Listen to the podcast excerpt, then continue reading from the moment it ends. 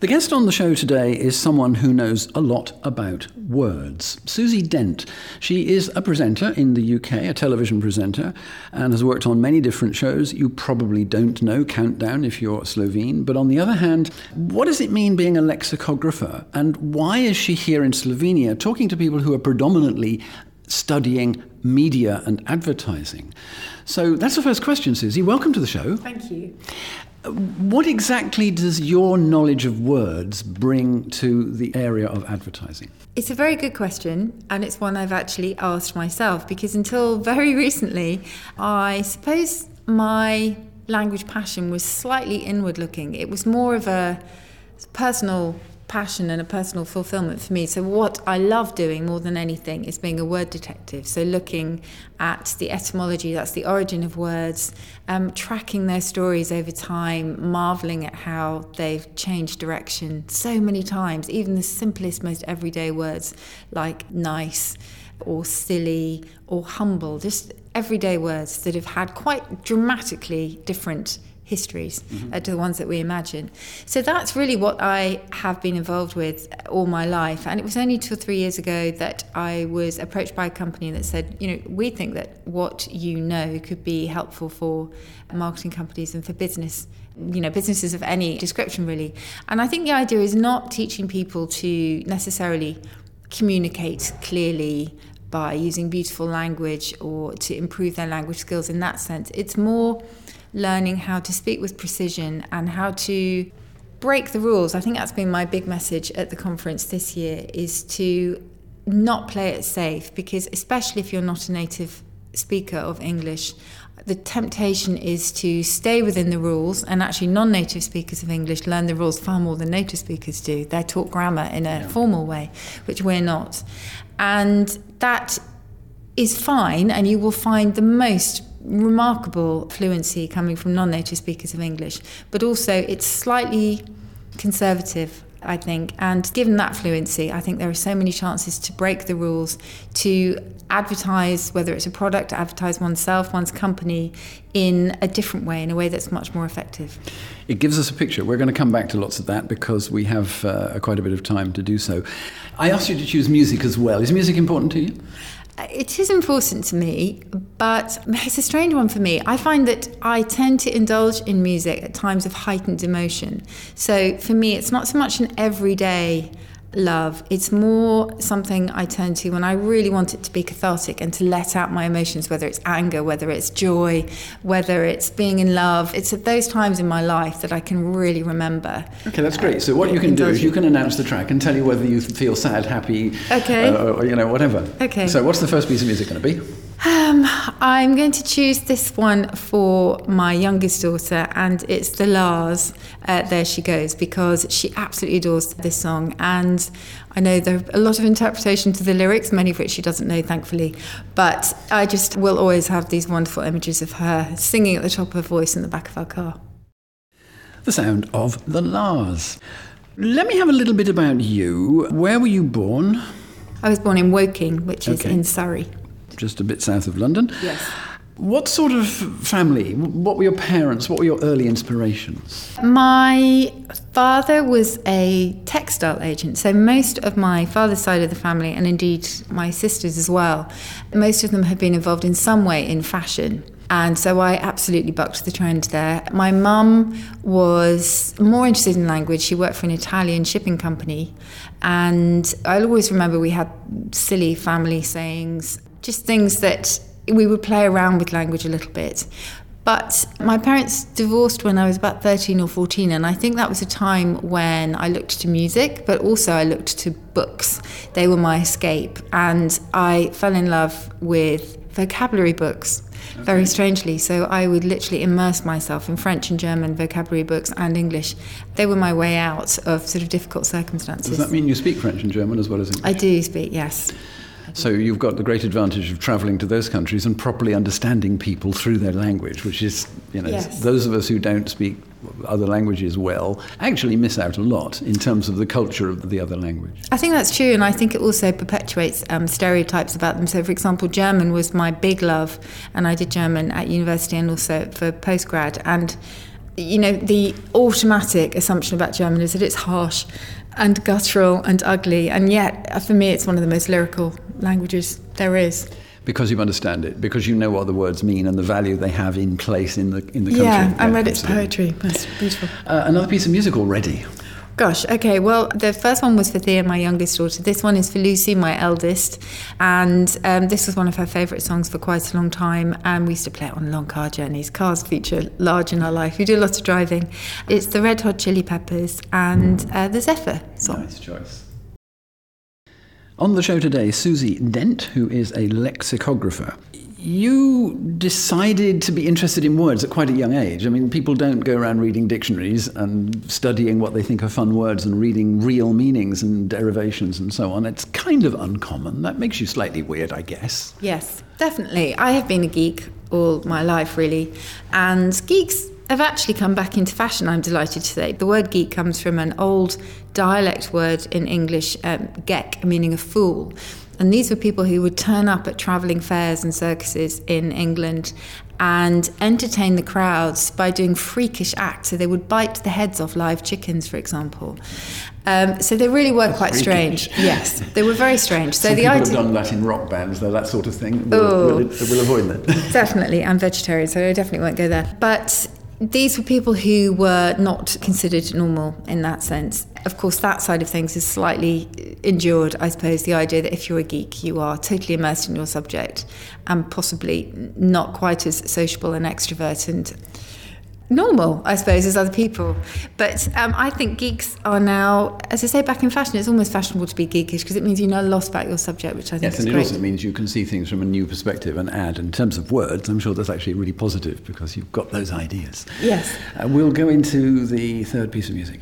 My third piece of music, I think, would be Crowded House and Take the Weather with You. This is a song that I associate with my husband. I think that there's definitely sort of an association between music and people for me. And this is just something we used to play a lot and enjoy.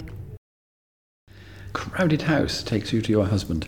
Let us yes, let us just stay before your husband at the moment. And in terms of education, you went to university and you studied. Tell me a bit about that time. Mm. Were you very much in books, or did you have other things as well?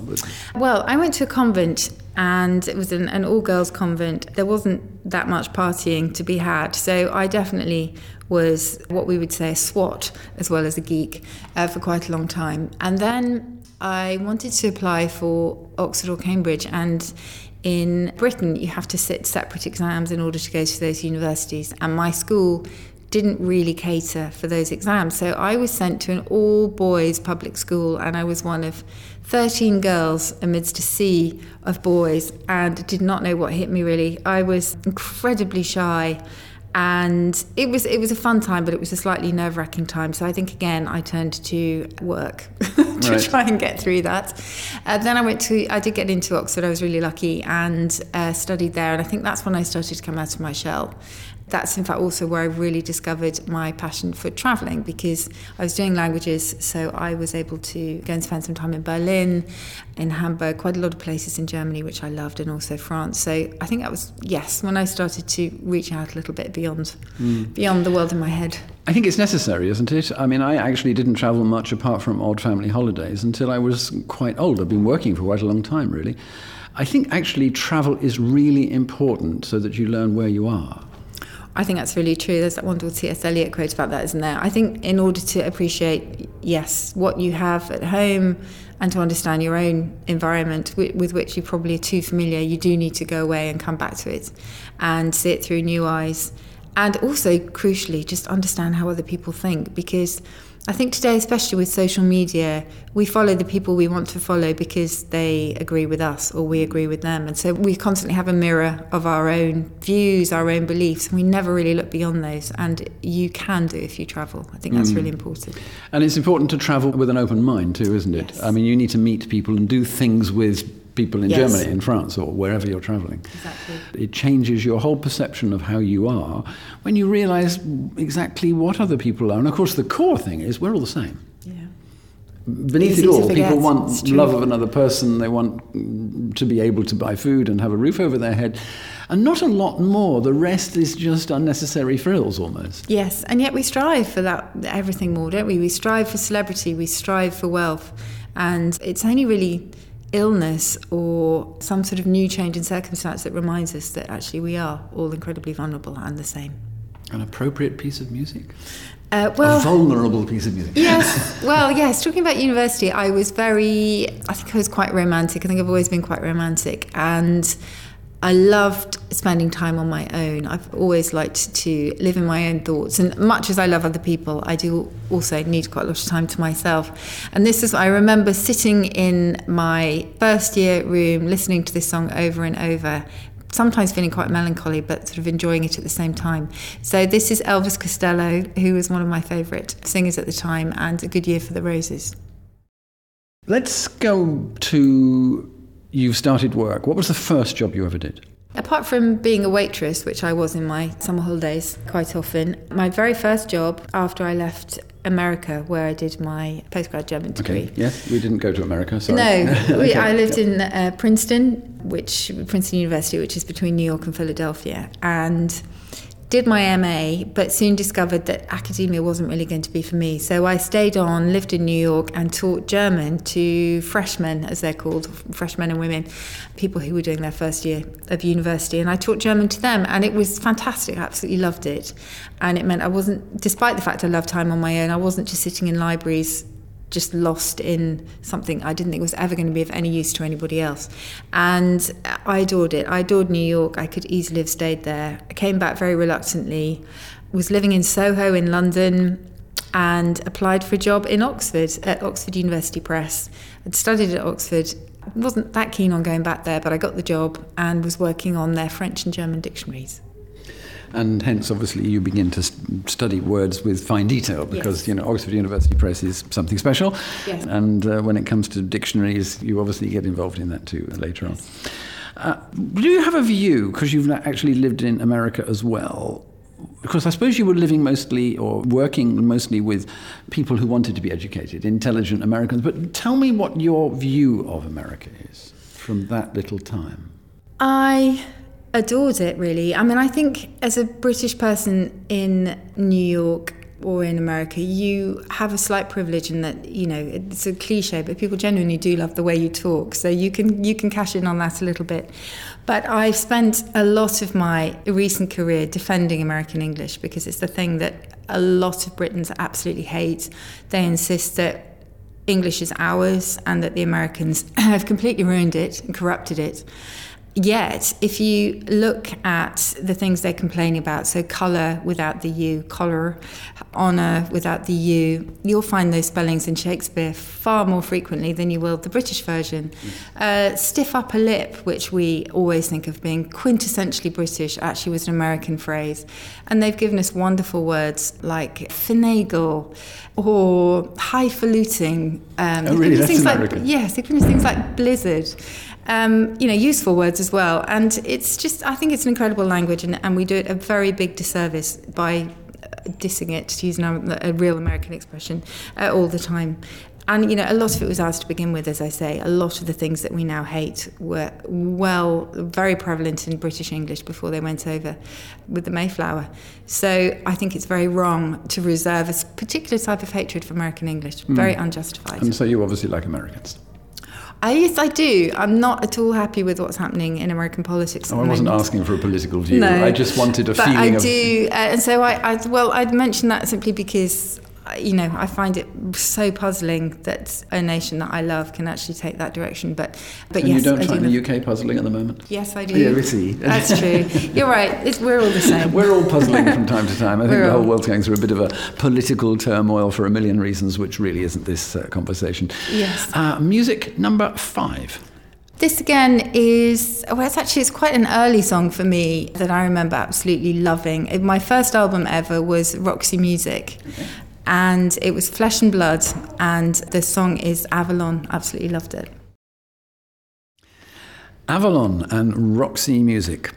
Let's move to your work literally in lexicography, which you are now involved in as well. Presumably, these are kind of, you work sort of freelance or what? Because Yes. you've got lots of hats, it seems. Yes, I'm self employed, and actually, I feel a bit of a fraud when I call myself a lexicographer now because I no longer sit in high tech offices studying databases of language all day, every day, and writing dictionary definitions, which is what a true lexicographer would do. Instead, I am just immersed in language all day, every day, but I'm not actually writing dictionaries anymore. But yes, I'm self employed, so I work on Countdown. I work on a comedy spin off in which I prove myself to be really not very funny. Uh, uh, that's a comedy spin off of Countdown, but it's not my job to be funny on that, so that's okay. Okay. And You moderate um, the fun. yes, and I do quite a lot of radio, but I also write uh, books. So I write books about language. I've just had one out, which is about tribal talk. So that is the talk of particular groups of people, whether they are builders or vicars or spies, Freemasons in Britain. So, particularly groups of people who have their own codes, their own shorthand, whether mm-hmm. or not they're using them consciously, and how important these codes are, both in keeping other people out, but also giving it a sense of identity and unity. So that's uh, rather different than dialect and, and sections around the country, which has that Well, same kind of element. Exactly. I had to I mean, I come it from sadly. Devonshire and we talk like this down there. Oh, and you also have my favourite word, favourite dialect of, dialect word of all, uh, which is Dimpsey. Okay. I love Dimpsey, meaning Okay. twilight, beautiful. Yes. Yes, my daughter has a favourite, the 12 year old. Actually, they both have favourite words, but she won't allow anyone else in the family to use this word. And it's a little bit old in English, really, and it's delightful. Oh, that's nice. It is very nice. Uh, and it is very old indeed. But that's nice. It's quite quaint that she Yeah, uses nobody, that. nobody is as delightful these days except us, I'm sure. So, words are obviously jolly important to you, and I'm going to come to that again in a moment. But let's have piece of music six and what that's all about. Um, this one, I think, is going to be another song that I associate with my early years, but earlier still, because this is something my father would play. Well, when he was decorating, and uh, he loved decorating, he was painting a lot, and I just have, when I hear this song, I have a distinct smell of paint uh, come to me, and just really happy. Dulux matte emulsion or something. Probably. happy, cozy time of just feeling happy in a house that I absolutely loved. And it was a version of a spoken narrative of Peter and the Wolf by Prokofiev. And any version will do. I was totally captivated by the music and the story and brings back very happy times. On the show today, Susie Dent, who is a lexicographer. I'd like to keep with the dictionary bit and words. Do you have a view? We've spoken about, yes, there are American versions, but actually there are other versions of English. You know, Australian and African and Singaporean English is not the same either. They bring and take and send there is all muddled and reversed. Do you have a view about the language? Are there a lot of purists who say, oh, we mustn't mess with the language, it's proper as it is, and others who uh, embrace the fact that change is actually what a language does?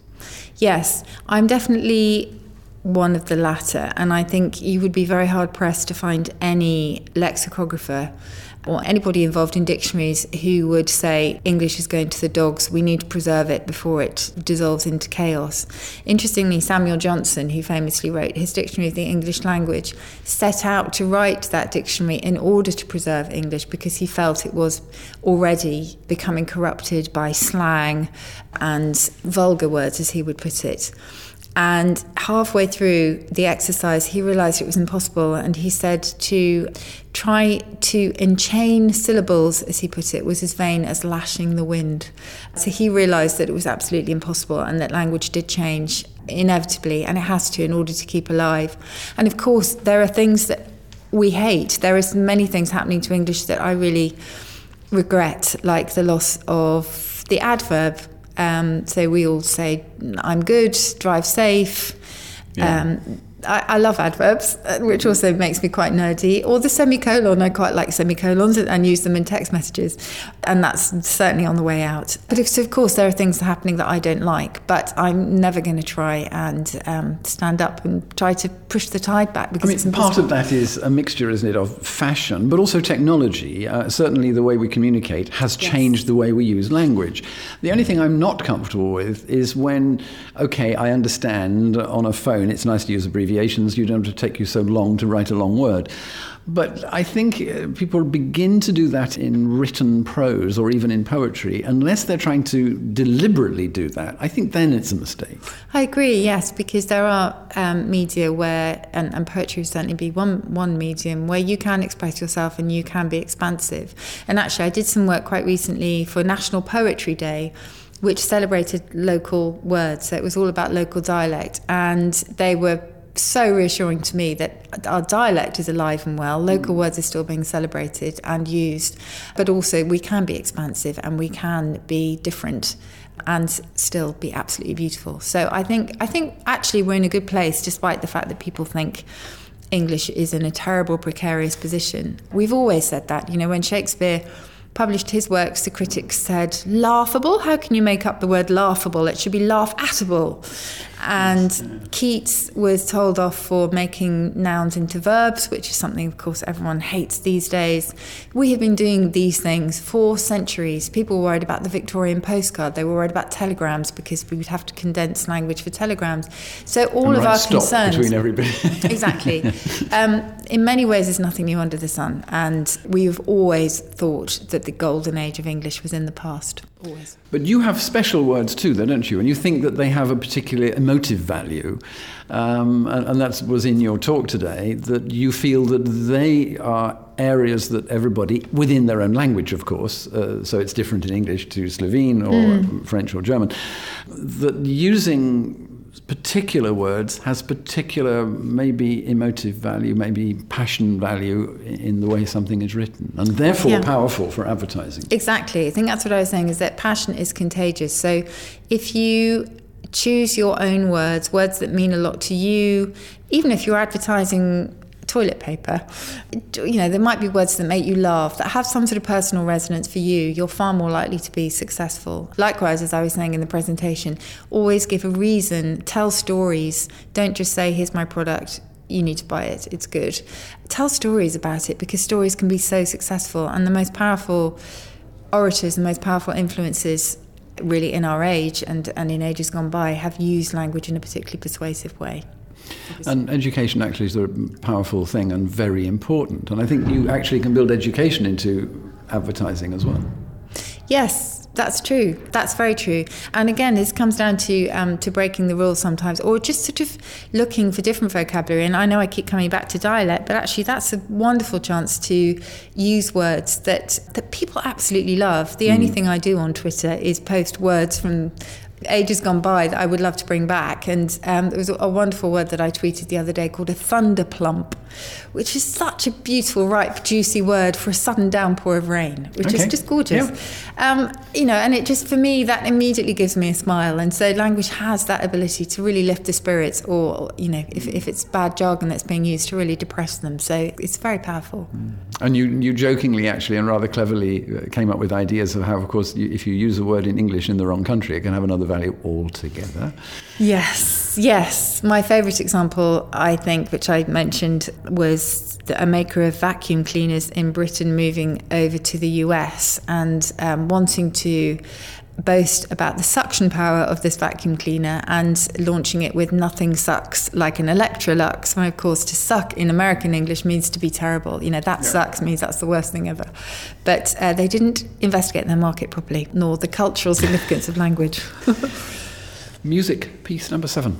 Um, I, can I give you free reign to choose something by a band that I have just discovered actually? Okay quite recently, new discovery, and I absolutely love them, called Angels and Airwaves. Okay. If I don't know it. Okay, well, I, happy, so I'll learn too. Happy indulging. They're great. Thank you very much. Angels and Airwaves. It's the last part. Is there a book, apart from a dictionary, that you particularly love? Gosh, so many. I'm just trying to choose. Yes. Would it be awful to choose a German book. No, of course not. But you have to oh, tell me why. It sounds a bit pretentious. I think I discovered German at exactly the right time in my life where I was just really open to new sounds, I think, and new ideas. And for me, German provided both. It was somewhere very, very different.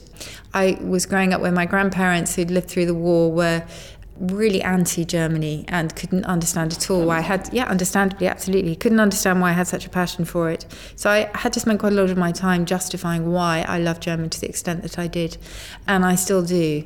And I think Thomas Mann, for me, who is someone that I uh, discovered quite early on, he wrote some massive, mammoth novels that are quite hard to get through, but some beautiful short stories, absolutely beautiful ones. And he wrote one called Tonio Kröger, which is about a boy who has all the passion and creativity of his Spanish mother, but also the hard, puritanical conservatism, conservatism of his uh, North German father and trying to come to terms with the two sides of his personality.